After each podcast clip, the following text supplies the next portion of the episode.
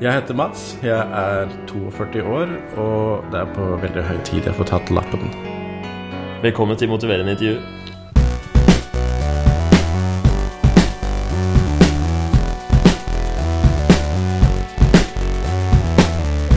Alright, så spennende. Eh, Før vi går inn på dette her med at du har lyst til å ta førerkortet, så vil jeg gjerne bli litt bedre kjent med deg, få høre litt om hva slags eh, person du er. Eh, Vi kan jo begynne med altså For nå er vi i Sydney, i Manly. Det er vi. Så du, eh, jeg eh, fant deg på nettet jeg var på ferie i, i Australia. Og så tenkte jeg vi må gjøre et motiverende intervju. Det kribla i motivasjonsmuskelen. Så da eh, jeg, eller sendte jeg ut en post, og så tok du kontakt. Det gjorde jeg på Facebook. Jeg syns det hørtes veldig spennende ut, så veldig glad for at du er her. Velkommen til Australia. Tusen takk. Det er jo helt fantastisk, da. Det er nydelig her, er det ikke det? Åh, du har et eh, nydelig liv. Så du bor her sammen med Du har eh, en kone her. Det har jeg, og en datter, Eva, som er eh, fire og et halvt år. Ja. Hun er på skolen nå. Eh, men ja. Er det uvant for deg å snakke norsk? Det er litt uvant. Jeg snakker nesten aldri norsk eh, om dagen. Eh, kun når jeg ringer hjem til Norge. Nemlig. Men eh, så hvis, det, hvis jeg må tenke meg litt om for å huske noen ord, så håper jeg dere kan leve med det. Ja, det skal vi leve med. Ok, Fortell litt om hverdagen din. Hva er det den, eh, er det den går i? Uh, her er det veldig rolig om dagen. Vi er litt på sånn uh, sabbatical uh, og har vært det et år pluss. Så jeg bruker en masse tid med min datter Eva. Vi går en del på tur i naturen her. Vi bruker en del tid på stranda. Lekeplassen. Og i tillegg så gjør jeg noen, har jeg noen få investeringer gående her som jeg gjør. Så jeg, vi, jeg driver halvveis et lite treningsstudio hvor jeg bruker litt tid av og til. Og jobber med et par prosjekter på internett som jeg også holder på med. Ja. Så du småjobber litt, men du har ikke sånn Det er ikke fullt kjøre og stress om dagen for deg? Det er det ikke. Jeg har jobba ti år med fullt kjøre og fullt stress, og akkurat det siste året så har jeg brukt muligheten til å ta det litt rolig. Ja, nemlig. Du, for du har ikke bodd i Australia så lenge? Det har jeg ikke. Jeg har bodd her før. Eh, For ti år siden så bodde jeg her og studerte. Eh, Men nå har jeg bodd her ett år etter å ha bodd litt rundt eh, Bodde i San Francisco, Boston, bodde seks år i Amsterdam pga. jobb. Du er en ekte world traveler. Jeg liker å tro det, ja. ja. Du har bodd i hele verden. Men så, så kult. Litt mer sånn om personligheten din, eller hva har du noen um, hva, hva liksom er greie, eller hva er spesielt med deg? Har du noen sånne her, em, rare ting med deg som uh, er litt uvanlig? Så hva er greia mi, liksom? Ehm, som er litt uvanlig Ehm, Det er et godt spørsmål. Så en ting som jeg jobba for Booking.com, som mange kjenner. Um, og jeg programmerer, men jeg har også en grad i psykologi. Uh, så jeg har brukt en del tid på å finne på sånne ehm, teknikker for å selge ting på nettet. Ok. Eh, Så når dere ser sånne ting som eh, det er tre personer som ser på dette hotellet akkurat nå, eller det er bare Mhm. ett rom tilbake og sånn, eh, som igjen, så har jeg plassert masse av de på forskjellige websider rundt eh, i Det er du som står bak de. Så det er ikke bare meg, Mhm. men det er min skyld, mange av de. Oi, shit. Nemlig. Du er så, så du har brukt både eh, kombinasjonen av programmeringsferdighetene og også psykologibakgrunnen for å, for å gjøre disse nettsidene så gode som mulig, liksom. Og jeg kjenner meg igjen i den Det er fire andre som ser på dette nå, på Airbnb. Det får meg jo i gang. Det fungerer, det, vet du. Og Ja. vi har resultatene som viser det. Så, så vi har brukt, eh, Men er det, brukt mye tid på det. er det sant at det er fire andre som ser på? Jeg kan ikke si om Airbnb, Mm. men uh, på booking.com, når jeg jobba der, så var det alltid sant. Ja. Så det er, det, er, det, er, det er faktisk informasjon, men det å løfte fram liksom den riktige informasjonen, at nå er det noen som er inne og kikker, det, det var interessant. Nettopp. Mm. Så ja, så det er en ting. Det er veldig interessant. Jeg, ser, jeg har liksom en tanke om at når man jobber for et sånn enormt firma som Booking.com, jeg forestiller meg det er, som driver da, for de som ikke vet det, det er da uh, hotell og reiseliv, Ja. uh, og bestille hotellrom og sånn. Og det at man faktisk har en sånn innvirkning på sluttproduktet, det så jeg egentlig, egentlig ikke for meg, men det har du gjort, altså. Det Ja, veldig. Så um, jeg hadde en veldig eh, rolle med en del ansvar der, så, der, så vi kunne definitivt uh, utforme prosjekt, uh, websida og firma uh, til en veldig høy grad. Ja. Ja, så kult. Så sånn er det. Vi har også lagd en uh, også ansvarlig for en sånn recommender engine, som det heter, mm. for uh, reisemål. Så alle de tingene som man får i e-posten på booking.com og Kayak og alle de sidene, eller mange av de, da, var fra vår sånn engine hvor vi anbefalte hvor folk skulle dra på ferie. Ja, nemlig. Eh, For det er jo Da må du jo Du må bruke den dataen du har om personen, som da sikkert er, blir mer og mer nå til dags, da, for å anbefale det helt perfekte stedet. Nettopp. Så jeg har brukt veldig masse tid på å finne ut hva er liksom det perfekte feriemålet, Mm. og så anbefale det til folk. Det synes jeg også var, det er også veldig moro. Så Eh, kult. Så jeg liker å tro at vi har påvirka hvor millioner av folk har dratt på ferie. Ja. Wow. Det er jo helt Det er jo ganske utrolig å tenke på at sannsynligvis en sånn e-postalgoritme kan jo forandre Det vil jo ha veldig stor, stor innvirkning på et lokalsamfunn da hvis man skyfler folk til Fiji istedenfor til eh, Papua Ny-Guinea, liksom. Nettopp. Så eh, akkurat det elementet er ganske interessant, fordi noen steder, sånn som Barcelona, så er det så mye folk som er på ferie. Ja. Eh, eller så er det sånn overturisme eh, concern. ja, så Um, Barcelona er jo sikkert inne og, og bare Please, slutt å skyfle folk Ja, det, så noen vil kanskje betale oss for å anbefale det, men de Mm. vil kanskje betalt oss for å ikke gjøre det. ikke at vi tar, tok i hvert fall da betalt for det, men eh, nettopp. Det er forskjellige interesser. Ja. Ok, det er jo dødsinteressant, da. Andre, har du noen andre ting i livet ditt som du er, som du er stolt av? Um, tja, godt spørsmål. Jeg tror hvis, hvis du spør hva jeg stolt av, så er det definitivt min datter, som eh, vokser opp så langt og har vært en ganske ålreit person de første fem åra. Ja. så vi håper å holde det gående. Hun svarer til forventningene. Så langt så svarer hun til forventningene, så der er jeg litt stolt. Ja. Um, ellers Det er rått å se liksom at det kommer ut et menneske som bare blir mer og mer eh, ordentlig, liksom. Ja, ikke sant? Mer og mer interessant og mer og mer eh, Eller hun har alltid vært veldig interessant, for så vidt. Men eh, alt, alltid å få se mer og mer hva som kommer ut av personligheten hennes, Det er veldig spennende. Ja, Som hva da? Um,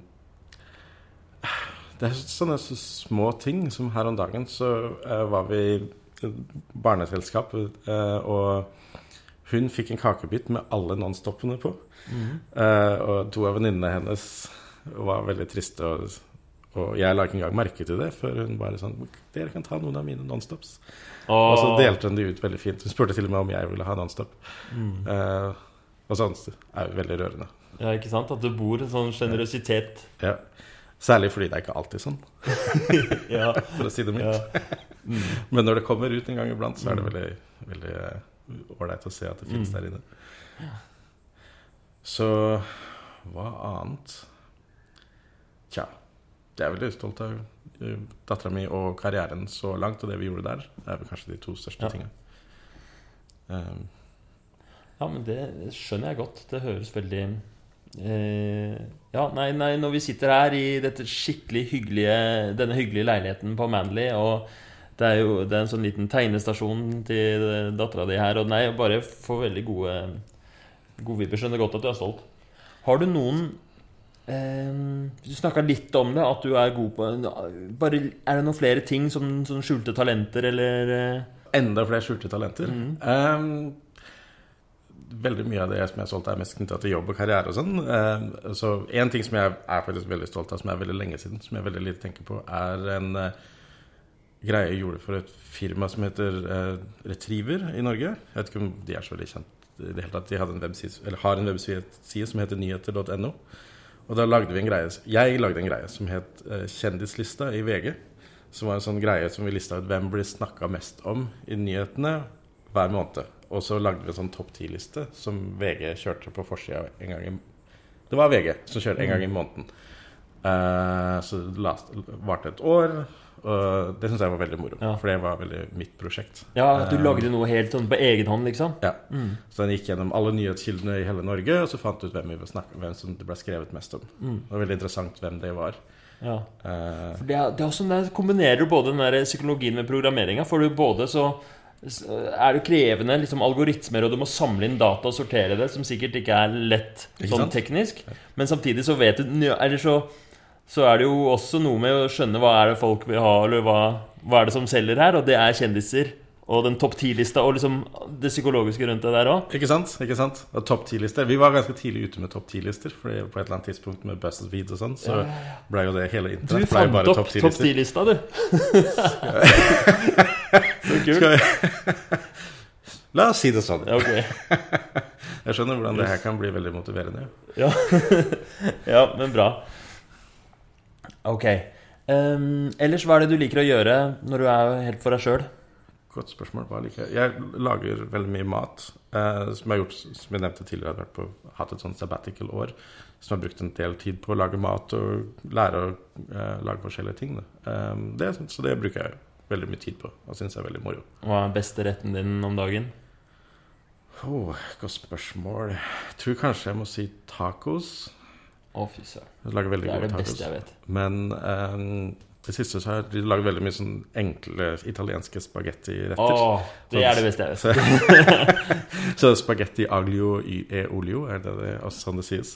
Med, med olje og hvitløk, eller bare pepper og ost. Så, så jeg driver og lager det nesten hver dag i to uker. Oi, oi. Så, så hvis det lukter litt hvitløk og sånn her, så er Ja, det det lukter fantastisk. det er det derfor. Mm. Okay. Men greit. Da føler jeg at jeg har litt et bilde av deg. Altså denne eh, pappaen med en ganske sterk karriere bak seg, og et eh, friår nå, og dette barnet som vokser opp, og det er kjempespennende. Og du lager god mat, og jeg, i, går rundt i Australia. Det Jeg synes høres veldig bra ut. faktisk. Ja, det høres veldig bra ut. Men så til dagens problemstilling. Hva er greia med det førerkortet? Fortell mer. Hva Ja, så jeg har ikke førerkort, aldri tatt lappen, aldri prøvd ordentlig engang. Um, som er et veldig sånn blitt Jeg vet ikke om jeg vil si det er et betent tema, men det er blitt veldig sånn vane nå at jeg ikke har lappen. Um, og hver, ja, til og med hverdagslig så kan det være veldig upraktisk. Tar veldig, vi tar bussen når vi drar noe sted, eller vi drar stort sett og gjør ting som vi kan gå til. Som er nesten alt der vi bor, riktignok. Men eh, det kan være litt upraktisk. Og nå drar vi også på ferie. Først til Thailand, og så til Norge. Eh, og det er veldig upraktisk når man har en fireåring og ikke eh, kunne bare leie en bil da, som hadde vært, Ja. gjort, ting, gjort ting veldig greit. Så da vi, finner vi alltid en løsning med å enten bruke offentlig transport eller bare leie en sjåfør, som også er en mulighet til tider. Så i Thailand så leier vi sikkert en sjåfør som kan kjøre oss litt rundt. Eh, men det er veldig upraktisk. Um, så akkurat Så det er et stort tema som jeg tenker det må jeg få gjort et eller annet med nå. Men jeg har også tenkt det i kanskje fem til ti år. Okay. Ok. Nei, jeg får ikke få, ta, få gjort det her. Det her har vært på lista di i ti år. Det har vært på toppen av lista i ti år. Så når du nevnte det her intervjuet, så var det sånn OK, det et, jeg, hvis jeg kan få et eller annet som løser opp motivasjonen på det her, og få, få litt pro progress, så hadde det vært veldig ålreit. Ja, hva, er det som, hva tror du gjør at du ikke får ut fingeren med det? liksom? Så nå har det kanskje blitt litt vane, liksom. Fordi ok, hvis ikke jeg gjorde det for fem år siden, så hvorfor skulle jeg gjøre det nå, på en måte? Men Men det er én ting som er annerledes nå, at vi har Eva, da, som, har gjort litt, eh, som gjør at nå er presset litt større også. Så kan hende at jeg kanskje hadde gjort det her uansett. Ja. Har kona di lappen? Hun har heller ikke lappen, som gjør ting super upraktisk. Ja, ja, men jeg ser for meg det. At sånn, en ting, Det kommer jo litt an på hvor man bor. Um, Oslo for eksempel, så er det jo ganske god kollektivtrafikkmulighet og, og mye sykkelveier og sånt nå. um, jeg vet ikke hvordan det er i Sydney. Uh, Det er ikke så veldig bra sykkelveier her, i hvert fall, i Mally, så de, de prøver. Men det er ikke noe særlig å sykle rundt. Jeg ser for Eh, meg at det er et sånt sted hvor de aller aller fleste har lappen, og man trenger, i hvert fall når man har familie og sånt, så er det litt Ja, det er det, altså. Det er, det er veldig det, det er litt vanskelig å komme seg rundt til trening og sånn med Eva. Det blir litt mye mas, mye planlegging. Ja. Uh, vi, vi gjør det likevel, men det blir litt mye planlegging og mye ja. lite spontanitet rundt når vi drar og sånt. Um, så det er det. Helt klart. Eh, Ok, men la oss eh, Da er vi jo i gang på en måte med å gå gjennom eh, fordelene med, med å ha, ha lappen for deg. Så det, det. det blir mer praktisk med tanke på uh, å ta med Eva på trening. det er én ting, helt klart. Um, så, spesielt akkurat det, fordi det er veldig langt til der Eva trener. Og hun er supermotivert av gymnastikk. Oh, ja. Så Er det turn, liksom? Turn, ja. Turn, ja, er det vel det heter på norsk. Så ehm, vi må liksom gå gjennom et sånt industriområde eh, hvor det turnsenteret er, da. Alle andre kjører dit, selvfølgelig, for det er ikke noe særlig å gå gjennom et industriområde. Ja. Så, men vi gjør det da hver mandag, så går jeg opp med Eva. eh, Hva føler du da? Nei, det føles ikke så veldig bra. Det er, litt, det er også bare sånn veldig upraktisk å gå der. For det er Mm. ikke fortau overalt og sånn, så det er, litt, det er bare ganske kjipt. Eh, så det føles vel litt sånn øh, Hvorfor har alle andre bil og ikke jeg? Det her Ja. er veldig kjipt. Ja. Jeg, jeg kan kjenne litt på det når, du sa det. liksom Alle andre kommer dit med bil, og så er du den eneste som går gjennom en sånn Ja, jeg kan skjønne at det er en litt sånn kjip følelse å ha. Og at det er litt sånn Ok, nå tar den turen her 45 minutter istedenfor 10. Ja. Uh, er også veldig irriterende. Ja, og det er én ting er nå når du har din sabbatical, men når du skal ut i jobb igjen og Ikke sant? Ikke sant? Ja, nettopp. For det er fordi når vi har fri, så er det jo Så kan vi liksom bruke tid på alt mulig. Men uh, ja, det er, ikke så, er særlig praktisk, er det ikke. Ja. Så ja, sånn er det. Hvilke andre fordeler ser du ved å ha lappen? Så hvis vi um, drar på ferie, da det er kanskje sånn, Bortsett fra akkurat det med her, så er det kanskje det eneste hvor jeg føler på det. For det er du har jo sett hvordan det ser ut her. Det er nydelig. Så det er helt greit å gå rundt her mellom blomster og sånt. Men når vi drar på ferie, så er det bare det å komme fra flyplassen til hotell eh, og kanskje dra ut og se litt natur og sånn, er enten ganske mye mas med å fikse taxi med barnesete og sånne ting. Eller hvis, man, hvis vi skal dra se natur, da, så er det veldig, som jeg syns er veldig ålreit, så er det veldig vanskelig noen ganger å forholde seg til pub, eh, offentlig transport og sånt. Ja. Um, så det er litt Så en fordel er at du bare kunne sett mer ting, rett og slett. Bare opplevd mer, av, opplevd mer av verden med å kunne kjøre og se den ting. Det åpner mange muligheter og dører. Nettopp. Før vi begynner å snakke om um, ulempene, kan vi lukke det vinduet litt? For det er en, det er en gresshoppe eller et eller annet utpå der som driver og vil være med.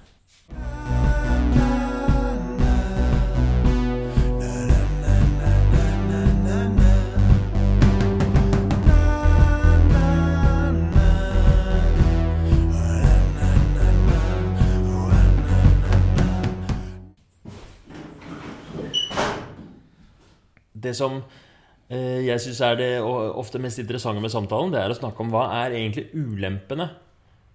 Eller hva er det du må gjennom eller ofre eller tåle for å, for å ta denne, dette førerkortet? Eh, vel, det er vel mest hele prosessen med å eh, Jeg vet ikke hvorfor det her er et problem. Altså, jeg kan jo gjøre andre Kan jo gå gjennom andre kurs uten at det er noe særlig problem i det hele tatt. Men uh, Det er nettopp det vi må finne ut av. Hvorfor er dette bygd seg opp til et problem? Så hele prosessen med å Det er kanskje det å gå tilbake til skolebenken på en måte, og sitte og lese uh, trafikkregler og sånn om kvelden og ta eksamen og prøver og sånn. Eh, som Når jeg sier det til og med, så skjønner jeg ikke hvorfor det egentlig skal være et problem. det er en eller annen følelse du får når du, når, når, når du tenker på det. Det er, det er litt det. Altså. Det er litt sånn Å, nei, sett meg ned og lese det her. Og kanskje også liksom er, Må jeg forholde meg til noen lærertyper og en eller annen sånn brautende sjåførlærer og sånn, som jeg ikke er spesielt keen på i det hele Ja. tatt. Så der er det et eller annet som eh, Det er jo kanskje det som kommer opp mest. Er det noe med at du er blitt så vant til Altså du har en karriere hvor du har, har veldig, hatt masse suksess og har hatt mye ansvar og respekt. Også i familien så er herre i huset, og du har en datter, og du er liksom sjefen. Du er the boss. Du investerer i firmaer. Så, så det å være i en sånn posisjon hvor du på en måte være en slags sånn underdanig elev, liksom Er det Det er noe med det? Jeg tror kanskje du naila det der allerede. Så kanskje eh, kan Omtrent wrappe opp intervjuet akkurat nå. For du, fant vel problemet med en gang. uh, ja, det er vel sikkert litt av det. Litt sånn autoritets... Ikke så veldig glad i folk som tar en autoritetsposisjon generelt. Så det har vel, er vel akkurat det. 100 sikkert. Okay. Så- så det er ikke akkurat som jeg har noe problem med å lese en bok Det er ikke bok. trafikkregler. Nei, trafikkreglene er greit, men det å være, sette deg i posisjonen, Mhm. og at noen andre skal dømme deg, og bestemme over deg. Og... Jepp. Det tror jeg. Har du noen eksempler på andre situasjoner i livet ditt hvor det har vært liksom Hvor det har vært kjipt, eller hvor du, hvor du har tenkt sånn Ikke mer av dette, liksom? Eh, så gjennom de siste ti åra så har jeg tatt en del sånn leder, ledelsekurs og, og sånt som for så vidt greit nok. med um, så er vel ikke akkurat noe traume rundt det som sitter så veldig dypt. Uh, før det Da jeg studerte og tok en bachelor, uh, det syns jeg var veldig ålreit. Jeg vet ikke helt om det var så veldig stort var så mye som hang igjen der heller. Um, men det var fortsatt veldig stress, det må jeg jo si. Jeg synes, for, for, min del så var det veldig viktig å få så gode karakterer som absolutt mulig. Um, og jeg syns det var kjempestress. Um, ja. Pluss at det var ganske dyrt. Og jeg hadde tok også studerte ganske seint, så jeg hadde liksom jobba i fem-seks år først. Så jeg følte at jeg følte veldig, veldig, følte veldig at jeg kjente, visste hvor mye det her kosta. Ja. på en måte. Jeg vet ikke om alle ja, sånn, ja. gjør det når de studerer. Som Det var sånn Ja, det blir veldig ekte for deg at eh, ikke bare bruker jeg penger på dette her, men jeg går glipp av inntekt. Nettopp. Mm. Så, det var litt sånn, så jeg følte ekstremt mye press med å gjøre det veldig bra og få noe ut av det. Så i ettertanke så for så vidt var det ganske, kanskje greit. For jeg lærte veldig mye av det som jeg satte veldig pris på. Men uh, jeg var veldig glad når det var slutt. Det ja. er for så vidt sant. Så dine minner fra, sånn generelt fra studering og eksamen og sånt nå, det er først og fremst press og Det er ikke sånn gode, de glade dagene, liksom? Det er ikke det, altså. Det er ikke ikke det hele tatt. Heller ikke vanlig, gammel liksom, videregående og sånt. Det, er akkurat, det var veldig ålreit å slutte med det og begynne å jobbe isteden. Syns jeg var veldig ja. befriende. Ja, for så. er du en sånn type som trives veldig godt i arbeid og ikke så godt på skolebenken? Veldig sant. Tror jeg. Tror det. Også for så vidt litt nyansert, fordi jeg likte veldig godt å studere her også, selv om det var mye stress. Altså med å ta bachelorgraden da var veldig ålreit. Um, så du har noen gode erfaringer med, med, med læring og med å, å, å, å utvikle deg? Men, så, men i, Ok. Ja. Det, nå som du sier det, så er det vel noen issues rundt det, ja. ja. så, ja. Spennende. Ok, Så det er eh, Så selv om Fordi eh, det er fort gjort at man har en sånn tanke om hvorfor gjør jeg det ikke bare, dette med å, å ta lappen. Mm. Men når man går inn i det, så er det jo faktisk gode grunner. Det er mhm. et offer for deg. Og i hvert fall så er det en sånn, en sånn endring krever en viss um, det er, Eller det er, jeg skjønner godt at det er mye motstand der, da. Er det noe mer sånn konkrete ting som du gruer deg til med å ta lappen? Egentlig ikke det er, det er kanskje litt en frykt for at det er liksom litt farlig å kjøre bil. Jeg har vært i, hvert fall én bilulykke før, så det er kanskje noe rundt det. At liksom pakke familien inn i en svær bil og suse rundt i 100 km i timen når jeg ikke har gjort det før. At det er kanskje for så vidt noen ganger kanskje glad at jeg ikke er den som sitter bak rattet. Men på den annen side så lærer jeg jo for så vidt å kjøre, så jeg vet ikke ikke helt med det om det er en stor eh, en stor motstand i det. Ja, så eh, Sånn rasjonelt så, så, tenker du at det kanskje ikke er eh, det er plusser og minuser, men det er jo en frykt der, da, sannsynligvis, når du har den tanken. liksom Nå nevner du ja. No, nei, jeg ser det. Det er for så vidt sant, det. Er det en fare for å kollidere eller eh, Eller et eller annet. Og Det er ikke så rart, når du aldri har kjørt bil ordentlig før, ja. så, så, så er det jo noe fremmed, noe ukjent. Nei, det er sant, det. Det er for så vidt det. Men, og det er sant, som rasjonelt sett så tenker jeg at vel man lærer det jo, og alle andre gjør det jo. Så ja. det kan ikke være så ille. Og jeg har lært andre ting som virka skummelt først. Som jeg tror, som Dykking, f.eks. Ja. Um, som jo sannsynligvis er mye farligere enn å kjøre bil. Så sikkert det er for så vidt sant. Mm. um, så, men det er sant. Det er kanskje, kanskje en følelsesgreie der som ikke jeg klarer helt å rasjonelt sette ord på eller uh, forholde meg til. Ja. Skal vi oppsummere, da? Vi har, jeg syns dette har vært ganske eh, interessant. Du har et ønske om å ta lappen, som er veldig konkret. Fordelen med for deg å ta lappen er at eh, du trenger det til å kjøre din datter på trening. Alt blir mye mer praktisk. Og um, det åpner masse muligheter. Mm -hmm. Og ulempene med å ta lappen er Det å ha lappen er det jo sannsynligvis ikke noe særlig ulemper med, men det å um, Og prosessen du må gjennom, er forbundet med en del sånn motstand i deg. Mm -hmm. Både det med at du må sette deg i situasjonen hvor du skal være på skolebenken og være elev og være nybegynner. Noe som ikke er eh, normaltilstand for deg. Mm -hmm. og du må også Du har litt sånn nervøsitet med hvordan er det egentlig er det farlig å kjøre bil. Eh, Du har vært i en bilulykke tidligere, som kanskje spiller inn. Og du har ikke egentlig Du er ikke en sånn person som har bare gode minner fra studietida. Det å liksom å lese og pugge og sånt noe, det forbinder du litt med stress. Ja, det høres så riktig ut. Så hva skal vi gjøre med det her? Er, er du villig? Det er det som vi må finne ut av. da Er du villig faktisk For det er jo en mulighet her å ikke ta lappen. Det er jo det. Eh, Jeg har valgt den muligheten mange Ja. ganger. Hva blir konsekvensene hvis du ikke tar lappen noen gang? Uh, godt spørsmål. Kanskje jeg får en sånn eh, self-driving Tesla på et eller annet tidspunkt. Når man ikke trenger lappen for det. Men konsekvensene er vel kanskje først og fremst at vi går glipp av en del ting. Eh, Jeg føler også at det nesten ikke er en mulighet, fordi jo eldre Eva blir, på et eller annet tidspunkt så må en av foreldrene hennes kjøre henne et eller annet sted. Eh, Så det er nesten sånn at det ikke er en mulighet til å Den muligheten er egentlig ikke der. da Vi må nesten få gjort det på et eller annet vis. Um, Ja, men Da kan jo kanskje kona di ta lappen, f.eks. Det er sant, det. Um, men hun har for så vidt heller ikke gjort det uh, enda. Så, og hun gjør ikke engang et sånt motiverende intervju. Så, um, så Men hvis vi ikke gjør det, vel Vi har tatt, tatt Uber 100 millioner ganger. Det går helt greit. Um, muligens er det vel kanskje billigere enn å ha vår egen bil også. Så det er jo ikke helt um, det er ikke helt umulig å ikke ha det. Det er jo folk som lever fint uten lappen.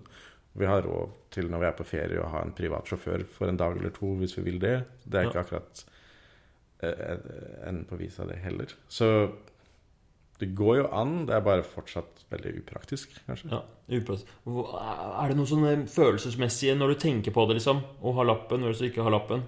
Du ser for deg eh, deg selv om ti år uten lappen og, og med lappen. Prøv, det, prøv å se om det er noen forskjell i hvilke følelser som dukker opp. Føler meg vel mer i kontroll hvis jeg har lappen. Litt mer komplett, på en måte. Litt full- full- fullstendig, fullstendig menneske. Men det er, litt, det er vel litt sant at man, hvis man er en voksen mann, så må man ha lappen. Um, så det føles vel at et eller annet mangler der, hvis jeg hadde vært 50 år og ikke har lappen. Ja, Er det noe liksom med selvfølelsen også? At det er som du sier, at hvis man er en voksen mann, så skal man ha lappen? Det er litt det, ja. Det er kanskje, kanskje faktisk like mye det som noe annet, fordi i- jeg kan løse de meste problemer uten å ha lappen. Eh, Det er noen ting jeg ikke kan gjøre, men det har altså vært muligheter til å gjøre andre ting som er helt greit. Um, Så det er litt det, er litt det også. Hvorfor har, har du ikke lappen? Eh, Du er jo en voksen mann skal ha lappen. Så hvis du ser for deg selv, da eh, Sitte i en eller annen kul bil og kjøre i kontroll. Kona i setet ved siden av, dattera baki. Solnedgangen i det sikte, liksom. Hvordan føles det? Um, greit. Jeg kan ikke si at det er noe som er Jeg er ikke spesielt interessert i biler i det Ja. hele tatt. Så jeg, kan, jeg har ikke, føler ikke noe spesielt rundt det, annet Ja. enn at vi kan komme oss på trening. Ja. ok. Kult. Ja, det kult. Så det er jo kanskje litt det har ikke akkurat noen sånn spesielt stor følelsesmessig Nei. connection med det å sitte og kjøre rundt i en bil. Nei. Uh, når jeg var liten, pleide jeg alltid å bli bilsjuk. Um, så det er kanskje mer, kanskje mer at jeg føler kvalme når jeg tenker det, du, det scenarioet ditt. kvalme. Det er dritinteressant, da. Faktisk, nå som du sier det, så er det vel faktisk det. Eh, fordi det var liksom konsekvent. Var inne i en bil i mer enn 30 minutter. Så endte det stort sett opp at jeg måtte kaste opp. Så, så jeg, har ikke, jeg har ikke en full grad i psykologi, jeg har en bachelor. Men akkurat det slo det meg nå med en gang at selvfølgelig er jo det helt Pavlovs hund. Ja, ikke sant? Hvis man har litt eh, begrep om psykologi så, altså, Du kan tenke så mye du vil, da. Men hvis, hvis det dypt inne i minnene dine og i følelsene dine, nesten sånn ubevisst, kommer en sånn kvalmefølelse når du tenker på bil Og kvalme er en veldig interessant følelse. Fordi eh, det kvalme er skapt for, er jo for at du skal si nei til f.eks. en matvare. Ah, det er veldig interessant. Ja, ikke sant? Ikke sant? Altså, hva som skjer når du blir, når du blir kvalm, eller når du føler avsky mot noe? Det er du, du lukker den munnen, og så, så, så trekker du deg unna, liksom. Og, eh, og det er veldig interessant at hvis du da tenker på når, du- Hver gang du tenker på lappen Ja vel, du tenker på de der gode At det blir praktisk og sånt Men hvis det kommer bare en bitte Den fysiske følelsen er kvalme. ja, Ja. Så vil automatisk responsen være nei. Det var umulig å motivere deg til det. Det er, det er veldig sant. Jeg ser det samme med Eva også, for hun setter seg inn i en bil, og så kjører vi ti minutter med den andre, så kaster hun stort sett opp også. Okay. Så det er kanskje et eller annet i familien eller et eller annet Ja. som gjør det. Og hun, ha, hun også hater å sitte i biler Ja. på grunn av det. Så hvis jeg snakker med hun om liksom, skal vi, kanskje vi skal få oss en bil, så hun er bare Nei. Jeg hater å sitte i biler. Wow. Så, så det er for så vidt synes jeg, ja, veldig, Mm. veldig sant. Ja. Ålreit. Dette er så spennende. Det er fordeler, og det er ulemper, og det er et sånt bakteppe av uh, bilsykhet og kvalme. Men er du eh, Altså, fordi dette her, intervjuet her, det er jo det vi har nå. Mhm. Det kommer ikke til å være noe oppfølging. Det er denne timen, liksom. Der eh, enten så skjer det noe, eller så skjer det ikke noe. Og det er ikke noe sånn at det må skje noe, men, men hva, hva tenker du? Er du villig til å, å Er du villig til å gå gjennom de ganske, den der listen av negative følelser for å få lappen på slutten?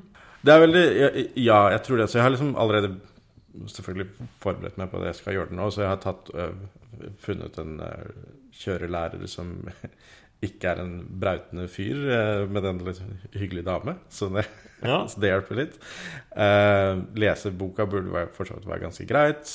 Um, når man er 40 år i Australia, så trenger man ikke ta så mange kjøretimer som man må hvis man er yngre, så det har for så vidt funnet det ut av at det er ganske greit også. Du har Så- gjort litt research allerede, da? ja, så, ja, ja, for så vidt. Mm. jeg har gjort mye research over 20 år, så det, uten at det er kommet noe ut av det. Ja. Uh, så, så, så jeg er ikke overbevist om at det er nødvendigvis det som får meg til å komme over kneika. Men det er for så vidt greit. Og jeg har også mulighet til å ta en uke fri, f.eks., og bare superintensiv kurs, eh, kurset på å kjøre. Så, så, så alt det er liksom lagt opp, så det burde være ganske greit. Um, så håpet mitt er når vi kommer tilbake fra ferie, at jeg sitter ned kanskje første eller andre uka i januar eller noe sånt. Prøver å få unnagjort så mye som mulig da. Ja. Og det er nå greit nok, det er håpet ditt, men er du villig til det, egentlig? Nå som vi begynte å snakke om den kvalmegreia, så slo det meg Kanskje jeg kommer til å dytte det her litt framover i tid likevel. Ja. Det, er, det er veldig sant. Altså. Jeg vet ikke også hva man kan, hva jeg kan, egentlig, kan gjøre med det engang. Um, men jeg er vel villig til å gjøre det. Og så, særlig på den turen vi drar til Norge nå, så hadde det vært veldig ålreit å dra rundt og vise Eva litt mer av Norge og kjøre til Hardangervidda eller et eller annet sånt, Ja. og bare se litt snø og vidde og sånn, uten å ta toget, og så ta toget tilbake igjen. Ja. Um, det er for seint nå, men um, det hadde vært veldig ålreit. Så akkurat motivasjonen sånn sett er veldig der. Så jeg er veldig villig til å få gjort det nå. Og Ja. få kjørt litt rundt. Det høres ut som noe som er viktig for deg, da. At, eh, at du har Her har du en datter som vokser opp i Australia, aldri får sett snø. Og så kunne dra til en vinterferie til Norge og få dra på fjellet og, Og være fri til det, liksom. Det hadde vært veldig ålreit å ha den friheten, altså. Det er det. Men også her så det vært, er det veldig mye fin natur vi kunne dratt og sett. Mm. Eh, som vi går glipp av. Nå er det fortsatt, så- for så vidt veldig mye fin natur vi kan bare gå til her vi bor. Ja. Men likevel, det er mye annet som vi kunne sett. Ja. Så er jeg villig til å gjøre det? Eh, Ja, det er jeg vel. Men det har jeg for så vidt alltid vært. Mm. Så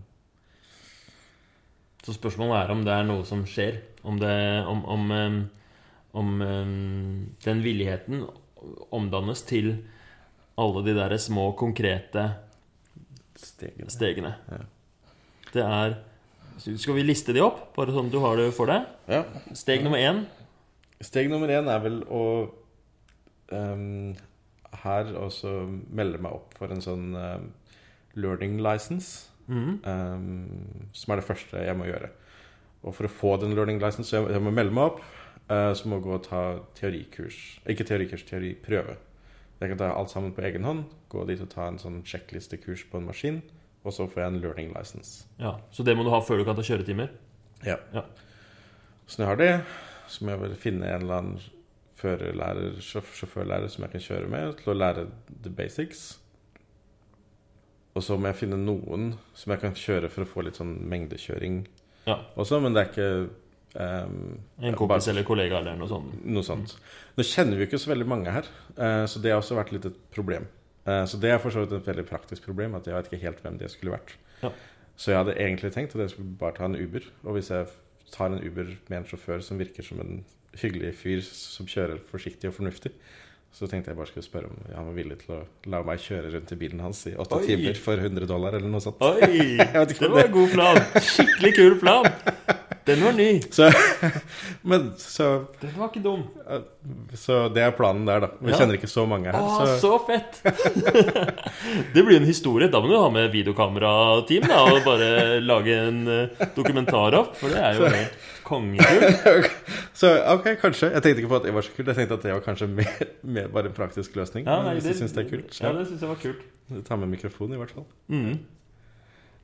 Så, så ja, så etter det så er det vel å ta eh, en førerprøve. Men her så er det også, når man tar lappen, så må man gjennom sånn tre steg. Hvor man får en første nivå provisorisk lisens, Mm. lisens, license, som varer et år. Og der kan man bare kjøre i 80 km i timen eller noe sånt. Og så etter ett år med det, så får man neste nivå, som man kan kjøre i to år med det i 90 km i timen, som er maksimum, eller noe sånt. Og så får man full, et fullt førerkort etter Ja. tre år. Det var litt annerledes i Norge. Ja, ikke sant? Så det er en kjempelang prosess. Så jeg også angrer utrolig på at jeg ikke gjorde det når jeg bodde i USA, hvor du sikkert bare kan gå inn og rygge fram og tilbake, og så får Ja. du lappen. Ja, det har jeg hørt eller- Men jeg har hørt at selve prosessen fram til det da er lettere i Australia enn i Norge. Det er mulig, så jeg kan gjøre det på hvilket som helst vis. Så Man må bare møte opp og klare å komme gjennom prøvene, tror jeg. Ja. For så vidt, hvis, ikke jeg, hvis jeg hadde vært litt yngre, så måtte jeg hatt 120 kjøretimer. Oi. Eh, sånn prøvekjøringstimer som er signert. Så ikke med profesjonell sjåfør, Ja, men- men, men med en eller annen, så 120 prøvetimer med prøvekjøring. Så det er, det er ganske Ja, okay. Det er litt av en prosess, for så vidt. prosess, ja. Og det her er jo veldig typisk at det er en stor oppgave som består av mange eh, mange små ting. Altså, du kan jo sikkert sammenligne det med å, å, å, å få på plass en eh, nettside, liksom, eller et Nei, program. nei, er. Hvordan er det du løser det når du er på jobben? Nå om dagen hadde jeg vel antagelig bare delegert det til noen andre. Og så- Og så bedt dem komme tilbake med, Mm. med metrics. Uh, nei, det, det er for så vidt en spøk. Jeg hadde vel starta med å sette meg ned med alle involvert, så jeg veit ikke helt om det her passer helt. Okay, det passer det. Det er ikke en veldig bra eh, sammenligning. Greit, sorry. Dårlig sammenligning. Men eh, altså i hvert fall sånn, Min um, erfaring fra pasienter som tar fatt på store oppgaver, er at det har veldig mye verdi i å eh, sette seg et lite overkommelig mål først. Om det er f.eks. Eh, uansett jeg, jeg tenker ikke på lappen, men jeg skal i hvert fall bruke Fordi jeg har så mye motivasjon nå, jeg skal i hvert fall få til å dra og ta den learning license, dra på den første øvelsestimen, liksom. Det er målet. Og da, når jeg har fått til det, så skal jeg feire meg sjøl. Da har jeg kommet over en stor barriere, liksom. Ja, nei, det gir meg veldig mening. Så det er for så vidt et godt mål. Så jeg prøver også kan ta oss og laste ned den eh, teoriboka og lese den på ferie, og så kanskje før vi drar, melde meg opp til den prøven når jeg kommer tilbake igjen. Høres jo smart ut, da. Det er en ganske god plan, er det ikke det? Det høres jo smart ut. Det var lurt det der å melde seg på på forhånd, ja. Sånn at du har liksom den der eh, presset. Ja. For å drive og lese til en prøve som ikke har en deadline, det Lykke til med det. Det kommer aldri til å gå. Lese til en prøve ligge- jeg kan bestemme når det er selv, ja. ja. Ikke sant? Du Det er et veldig godt poeng. Så ja. Ja, Så det er et godt, start, godt sted å Så starte, tror jeg. egentlig så er liksom første steg melde seg på til den prøven, så man får en dato. Bam. Og hvis du gjør det Det er det første hinderet, liksom. Ja. Eh, det er egentlig det Hvis du ikke gjør det, så kommer du aldri til å få lappen. Hvis du gjør det, så kan det hende du får det. Ja. Nei, det er sant. Veldig sant. Åssen føles det? Eh, nei, jo, jeg tror jeg skal gjøre det. Jeg tror det funker, jeg. Det føles bra. Nei, det gjør det ikke. Det er jeg litt usikker på. Det kommer å frykt og Ja, det ubehag og sånn. Kvalme. Kvalme. Fy fader. Det kommer fysisk uvelhet. Ja, nei, det, nei, jeg skal ikke si det føles veldig bra. Det gjør det ikke. Det føles mye sånn jaha, skal vi se om det går den se om vi får gjort det den gangen her. Mm. Um, men um, jeg tror jeg skal prøve å få gjort det. Um, jeg skal melde meg på den prøven før vi drar på ferie. På lørdag. Så det er bare én dag. Så jeg må vel gjøre det i dag eller i morgen. Mm. Hvis det er mulig. Hvis ikke det er sånn du må gjøre det min, toppen to uker før. Eller noe sånn greie, da. Så, Ja, det kan hende. Det vet jeg aldri. Så det vet man aldri. Men det som du skal gjøre da, eh, som du sier til meg, er at du skal sette deg ned på en eller annen nettside og så skrive den mailen, eller registrere deg, eller hva det er som skal til. For å få en learner license. Ja. Yes. Og det har du aldri gjort før. Det har jeg ikke gjort før. Nei. Du har tenkt på det, men du har ikke og gjort research, liksom, men du har ikke Nettopp. mm. Det er jeg, jeg eh, Jeg vet ikke om jeg har trua på deg. Det kan hende at du eh, ender opp med å aldri få lappen. Det kan godt hende. Er det en motiveringsteknikk, eller er det bare din ærlige følelse fra samtalen? Nei, det er, eh, det er sånn livet er, da. Det er Altså, de følelsene man har, spiller inn. Så uansett hvor mye du har lyst til å ha lappen, så For at du skal få den, så må du være villig til å, å, å mm, I hvert fall deale med den derre ubehaget du føler knytta til å mm. Knytta til å gjøre den prosessen. Så mm, Så det blir spennende. Hva, hva tenkte du? Nei, jeg tror jeg kommer til å, tror jeg kommer til å få gjort det. Jeg tror det. En vakker dag. En, Nei, nå er jeg ferdig er med det, er det demotiveringsintervju? Ja, det er en intervju. Nei, men nå skal, du få, nå skal du få litt motivasjon. Er du klar? Nå, kommer, det, nå kommer det en tale, en oppsummering, Ok. og så eh, tar vi det derfra. Er du klar? Ja. Ok, Mats. Eh, for det første så vil jeg bare si tusen takk for at du har stilt opp. Ja, Og virkelig delt av deg sjøl. Og jeg tror ikke du er den eneste i, i landet eller i verden som sitter og har Du er ikke den eneste som sitter og utsetter å ta førerkort. Det veit jeg. Jeg har hatt en sånn samtale før.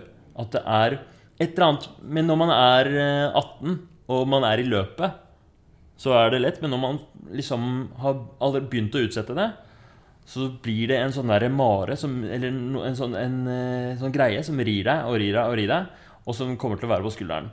Og man skal ikke undervurdere den der effekten det har på liksom, selvfølelsen. Å ha en sånn der uoppgjort eh, ting man ikke har em, Man ikke har liksom, bekjempet. Jeg tror det er ganske mye viktigere enn man skulle tro. Og akkurat førerkortet er jo noe som eh, symboliserer kompetanse. Du sa i stad at hvis man er en mann, så har man et førerkort. Eh, det symboliserer frihet til å bare reise, kjøre hvor du vil. Altså, Du trenger ikke å ha bil, liksom, men du, hvis du har førerkortet, så betyr det at du er en av de eh, millionene med mennesker som er i stand til å kjøre bil, og som har den eh, Man er liksom en del av en, en gruppe. Og det er jo eh, kanskje en Det er et fellesskap, og det er eh, en frihet som som jeg tror er viktig. Så jeg skjønner veldig godt at du, du, at du tenker mye på det, og at du har lyst til å ta det førerkortet. Og at, eh, og at eh, deg med førerkort er en oppgradering av deg uten førerkort. Og jeg skjønner så godt den derre mm, motstanden også, fordi her er du en person som har så mye bragde bak deg. Du har en sterk karriere, og du har en, familie, og du har et liv som du er veldig stolt av, og du har utrolig Du er intelligent og fremgangsrik og suksessfull. Og da er det veldig uvant å begi seg ut på en sånn derre altså, komme, Starte helt fra bunnen av igjen. Da det Da dukker opp følelser som mye frykt. Og, og kanskje det dukker opp litt sånn skam. Hvorfor har jeg ikke gjort det her før? Det dukker opp til og med liksom det der dårlige minnet fra, fra barndommen å sitte i bil. Når det er sagt, eh, sjåføren blir aldri bilsjuk. Så eh, da, den, da, da styrer man jo bevegelsene. Så eh, det kan du glede deg til, den opplevelsen. Og det, det, det er det jeg skulle ønske du hadde hatt. da Den der fantastiske opplevelsen det er, eh, som jeg kjenner i hvert fall, er når man sitter i bilen og man styrer den, og man har en ro, og det er nesten som meditasjon. Du kan høre på litt musikk, og bare veien går. Det er en helt fantastisk eh, følelse. Ikke undervurdere den der gode følelsen av å kjøre bil. Og man kan si alt mulig om miljøting med bil og sånt noe, men å kjøre en bil, en elbil, og det fungerer godt, og du er i harmoni, det er helt fantastisk. Det kan du bare glede deg til Det er en sånn gulrot på enden der når du har blitt trygg på bilen og sånt nå. For en fantastisk følelse. Så det du må gjennom, det er eh, mye ubehag, men du kan løse det med disse praktiske Sett deg opp, trykk på den der ene enter-knappen, liksom. Ding! Så har du eh, Så har du mm, Har du eksamensdatoen. Trykk på enter-knappen en gang til, så har du kjøretimen. Og trykk på enter-knappen til, så har du oppkjøringa. Det er enter-trykk. Det er du ganske god på. Du har trykka enter mange ganger i livet ditt. Så eh, Og dette her er den eneste gangen du kommer til å ha brukt en time på å sortere dette her, til å snakke om det. Hvis du ikke gjør det nå, og det kommer ikke til å bli noe oppfølging på dette intervjuet her Om, eh, om 20 minutter så er jeg ute av døra, og, og ja, du sitter her, så det er Du har en lite sånn tidsvindu nå, hvor du har litt ekstra energi og motivasjon som du kan bruke. This is it. Ok. This is it. Ok, nei, jeg skal ta og så melde meg opp nå, ja. Nå, så, fort, eh, så fort jeg er ute av døra. Ok, greit. Okay. Du gjør akkurat som du vil. Det er ditt valg. Du står fritt til å Om du vil, så kan du velge å ikke ta lappen. Det er helt greit. Ingen skal bestemme det over deg. Du velger hva du vil. Men jeg tror, jeg tror du vil eh, Det virker I hvert fall det du har fortalt meg, er at du vil ha den lappen. Ja. Og da tror jeg du er eh, eh, sterk nok og klar nok til å gjøre det nå. Takk skal du ha. Det, er veldig, det var veldig motiverende. Ok, så bra. Takk Tusen takk for at du stilte opp. ja, takk for at jeg kom. Veldig, det var veldig interessant, det her. Da, tar vi, da går du på, melder deg på kurs, og så stikker jeg en tur på stranda. Den er god. Ha det bra. Ha det bra. Tusen takk for at du hørte på denne episoden. Jeg lager podkasten Motiverende intervju bare fordi jeg syns det er gøy. Jeg elsker å utforske motiverende intervjumetoden. Det er en veldig spennende teknikk, og det er, no, det er et eller annet der som jeg finner utrolig fascinerende, og som jeg tror er viktig. Og i tillegg så syns jeg det er kjempegøy å intervjue alle mulige folk om alt mulig rart. Det er bare en glede for meg å lage dette her. Og enda morsommere er det hvis folk liker det og hører på og syns det er greit. Jeg gjør det gratis, jeg tjener ingenting på det her, og jeg har ikke noe reklame. Og jeg har ikke tenkt til å ha det heller. Og det syns jeg er helt greit, så dette er fint, en, en, en fin hobby for meg. Men det er jo litt gøy, da. Jeg må innrømme det. Hvis og når folk eh, får høre på den. Altså Plutselig så kommer det, ser jeg inne på nettet liksom, at oi, nå er det flere lyttere. Så jeg syns jo det er gøy. Men jeg har ikke noe markedsføringsbudsjett eller noe sånt nå. Det, det, jeg har ikke mulighet til å reklamere for dette her. Så det jeg gjerne skulle bedt dere om, da, hvis dere har lyst, du som lytter, det er om dere kan gå inn og rate podkasten inne på iTunes. Da kommer den opp på listene. Av og til så er jeg inne og lurer på topplistene, og det syns jeg er kjempekult for at en amatørpodkast om noe så sært som um, atferdsendring kan gjøre. Så gjerne gjør det. Sett en liten rating på podkasten. Eller hvis du er helt rå, det er det aller beste, så kan du trykke på den knappen hvor det står 'del episode', og sende den til en, eh, en venn du tenker at den er relevant for, på Messenger eller på melding, eller det er sånn forskjellige muligheter innpå der. Og så får jeg en lytter til. Da, da koser jeg meg. Hvis du har spørsmål eller tilbakemeldinger eller noen kommentarer eller lurer på noe, så er du hjertelig velkommen til å sende meg en melding. Si litt om hvem du er og hvorfor du spør og, og hva du syns. Så blir jeg glad for det. Det kan du sende til Messenger eller til Instagram til Herman Egenberg. Det var alt. Da får du ha en fin dag videre. Og så skal jeg gå i gang med å finne neste gjest som jeg kan intervjue på podkasten. Ha det bra!